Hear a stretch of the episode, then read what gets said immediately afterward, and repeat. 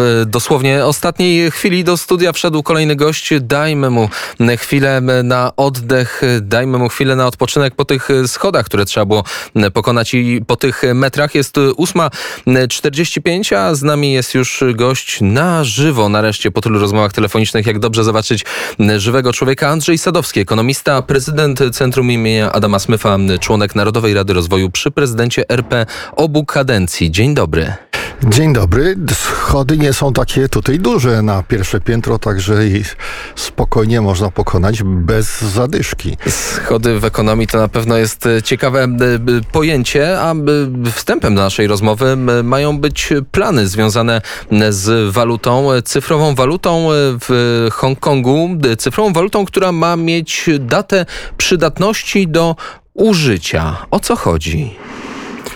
To się dzieje w momencie, kiedy rząd e, komunistycznych Chin zakazuje również e, operacji mm, na rynku kryptowalut u siebie, e, proponując wprowadzenie prędzej czy później w całych Chinach rządowej cyfrowej waluty, a taki Hongkong będzie jak w sam raz elementem pewnego poletka do, doświadczalnego. Mm, waluta niewydana w odpowiednim czasie będzie traciła na wartości, czyli wprowadza się mm, datę przydatności użycia waluty cyfrowej. Tak zresztą jak kiedyś w Polsce mieliśmy kartki, kartki na cukier, które miały też datę e, realizacji, czy właśnie comiesięczne przydziały e, mięsa, masła, e, które też trzeba było wykupywać w odpowiednim terminie. Tak samo i tutaj ten mechanizm został zastosowany. Czyli... Pytanie, czy to jest dokładnie to samo, bo w Polsce, w PRL to było związane z pewnymi brakami, a tutaj chodzi o to, aby pobudzić konsumpcję, jak rozumiem, i wydawać jak najwięcej i jak najszybciej, nie przetrzymywać pieniędzy. Nie wiem, czy chodzi o pobudzenie konsumpcji, czy raczej o to, o co chodziło już od e, wielu lat, e, kiedy proponowano i tak samo obywatelom Polski, aby stworzyć Polskę e, bezgotówkową proces przybrał na tyle na sile, że w Szwecji, takiej, która miała być pierwszym krajem bezgotówkowym, w obronie tejże gotówki stanął szwedzki bank centralny, twierdząc, że jest to konstytucyjne prawo obywateli do posiadania te, tejże gotówki. No póki co gotówka zapewnia anonimowość. Oczywiście y, rządy używają takiego argumentu, że gotówką posługują się przede wszystkim przestępcy, że pochodzi ona zwykle z operacji operacji nielegalnych, czyli trzeba wprowadzić kontrolę, stąd też i w Polsce przyjęto bardzo niezwykle restrykcyjne przepisy dotyczące transakcji gotówkowych, które uderzają, jak się okazało, w mikro, małych przedsiębiorców, przeciwko czemu część członków właśnie sekcji e, ekonomicznej e, Narodowej Rady Rozwoju wystosowała do pana prezydenta petycję, aby nie podpisywał tych dalszych ograniczeń w posługiwaniu się gotówką właśnie właśnie zwłaszcza dla tych małych polskich przedsiębiorców. Aktualnie jakie to są kwoty dla przedsiębiorców?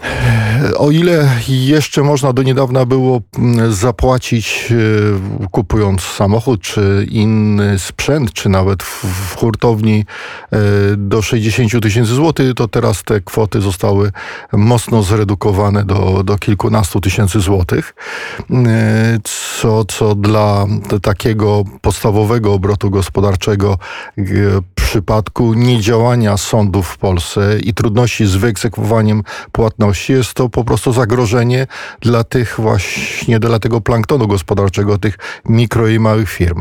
Ale yy, jakby ten postęp z kampaniami, zresztą widać takie kampanie w Polsce na rzecz Polski bezgotówkowej, no ma też inny wymiar. Skoro mm, łatwiej chyba będzie wprowadzając walutę cyfrową, jednak okiełznać e, nie tylko mm, przepływy finansowe. Zauważmy, że w Polsce one podlegają daleko, e, dalekiej restrykcji ze względu na to, że firmy muszą raportować pokazywać swoje faktury do urzędów skarbowych, te całe systemy JPK właśnie. Kontrola. Mia miały właśnie wprowadzić taki, taką kontrolę mm, w, połączoną też jeszcze przecież z podzieleniem płatności VAT, która no, jednak nie występuje powszechnie w krajach Unii Europejskiej. Także ta kontrola naszej aktywności jest powszechna, że skoro dzisiaj, proszę zauważyć, zostawiamy ślady cyfrowe, e, chociażby e, używając telefonów e, komórkowych, przemieszczając się z jednego, z jednej stacji bazowej do innej i można odtwarzać bez problemu naszą codzienną aktywność, no to pieniądz cyfrowy e, wbrew pozorom nie jest narzędziem, które ma ułatwić nam życie, tylko jednak e, na przykładzie Chin i najbardziej zaawansowanych chyba planów, które ten rząd ujawnił, e, kontroli obywateli. No właśnie, czy nie jest trochę tak, że fiskus polski nie tylko jakby z góry zakłada, że podatnik go oszukuje? Stąd te narzędzia kontroli. Znaczy nawet to nie jest założenie, to jest pewność w, w tym systemie, który z, z definicji tworzy z obywatela e, przestępcę, bo ma tak dużo sprzecznych ze sobą e, przepisów. Nikt nie może e, być uczciwy. Po prostu tak jak w tym lekarskim powiedzeniu, że nie ma ludzi zdrowych, są tylko nieprzebadani. To tutaj tak samo mamy do czynienia, że nie, nie jesteśmy ci, którzy mają coś na sumieniu, najwyżej nie są jeszcze do tej pory wyłapani. I oczywiście jeżeli w Polsce prowadzono bardzo policyjny system kontroli obywateli na początku lat 90., gdzie każdemu obywatelowi założono teczkę w urzędzie skarbowym, to jest to dalej idąca kontrola obywateli niż ta, która miała miejsce w PRL-u, e, której między innymi ja doświadczałem, gdzie teczki na policji politycznej mieli naprawdę nieliczni. To była śladowa część polskiego społeczeństwa i to ktoś musiał pisać na mnie donosy do tej teczki, a dzisiaj obywatel sam na siebie musi pisać donosy w postaci chociażby tego e, niepotrzebnego całkowicie zeznania podatkowego co roku, bo przecież wiedza o naszych zarobkach jest od dawna znana urzędom skarbowym, od dawna te podatki zostały zapłacone, a mimo to zmusza nas się do pisania właśnie takich donosów na samych siebie i to pod groźbą jeszcze grzywny. Więc e, ktoś pisał na pana e, donosy, które znajdowały się w teczkach, prawdopodobnie otrzymając za to ekwiwalent, ekwiwalent pieniężny, wtedy jeszcze w gotówce. W takim razie porozmawiamy o możliwości braku gotówki. Na ile niebezpieczne jest zrezygnowanie zupełnie z pieniądza fizycznego? Znaczy, nawet jeżeli rządy zmuszą nas do nieposługiwania się e, pieniądzem, który też jest pieniądzem, można powiedzieć, w dużej mierze umownym, bo przecież e, e, jednak odstąpiono od standardu złota, a mimo to, że jest to pieniądz, Złoto też jest umowne.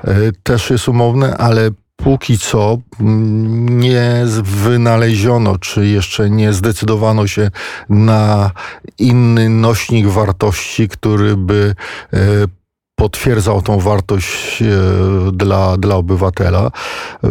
Warto przytoczy tutaj historię, która jest zapomniana, jeżeli chodzi o sprawy monetarne, a jest ona pouczająca, jeżeli chodzi o wprowadzanie takiego już kompletnie mm, bezwartościowego pieniądza w oparciu tylko o e, przymus państwa, bo tutaj akurat przymus państwa będzie polegał na tym, że zostaniemy przymuszeni do stosowania pieniądza elektronicznego, mianowicie kiedy w starożytnej Sparcie uznano, że nie ma potrzeby mm, E, jakby bić monetę złotą czy srebrną i postanowiono posługiwać się żelazem jako środkiem płatniczym.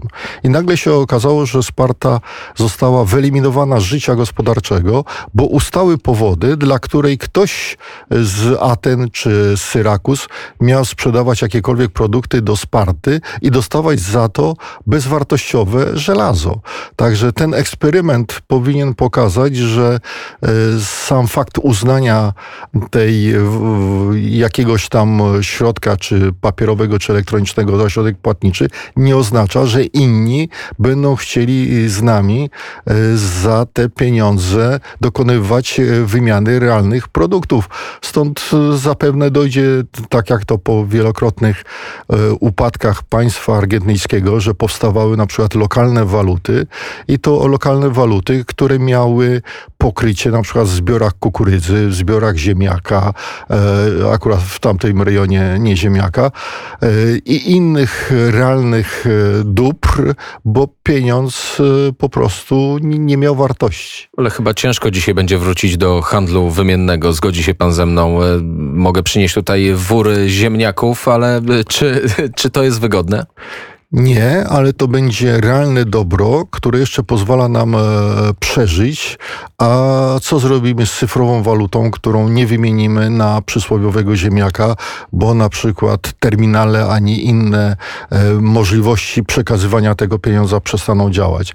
Także, albo ktoś nam wyłączy możliwość albo ktoś nam wyłączy, także życie potrafi się samoregulować, jak to pokazują różne kryzysy, kiedy dochodziło do konieczności porozumiewania się ludźmi, między ludźmi bez pomocy państwowego pieniądza, który utracił wartość. To w takim razie porozmawiajmy o tym e, państwowym pieniądzu, który obowiązuje w Polsce i utraty jego wartości ciągłej, czyli e, inflacji. E, Minister Finansów, minister Kościński powiedział ostatnio, obecny poziom inflacji nie jest niepokojący, choć nieco rekordowy, jeżeli mówimy o ostatnich latach, prawie 5%.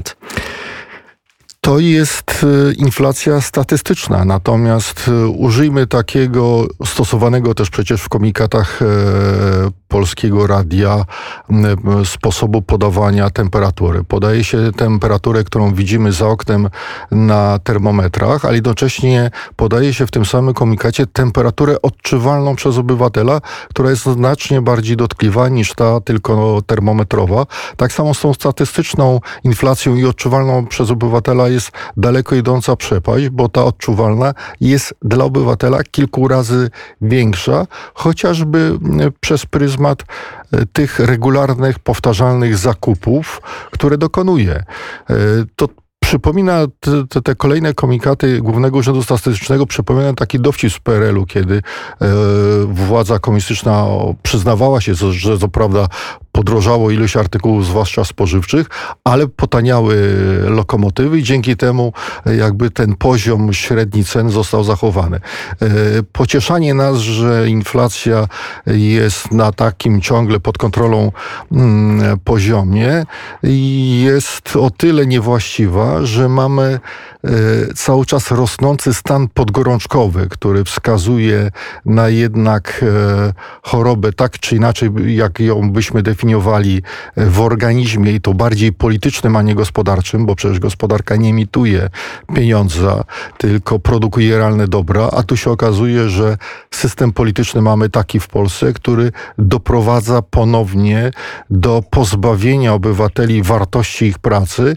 poprzez użycie niekonstytucyjnego czy pozakonstytucyjnego podatku, który można nałożyć na obywateli jakim jest właśnie podatek inflacyjny. W takim razie, czy w najbliższym czasie, patrząc na to, co się dzieje, możemy spodziewać się banknotów już nie tylko 500 złotowych, ale 1000 złotowych, 2000 złotowych i tak dalej, i tak dalej? Tylko czekać, aż Narodowy Bank Polski ogłosi konkurs e, na postacie, na kolejne nominały właśnie powyżej 500 złotych.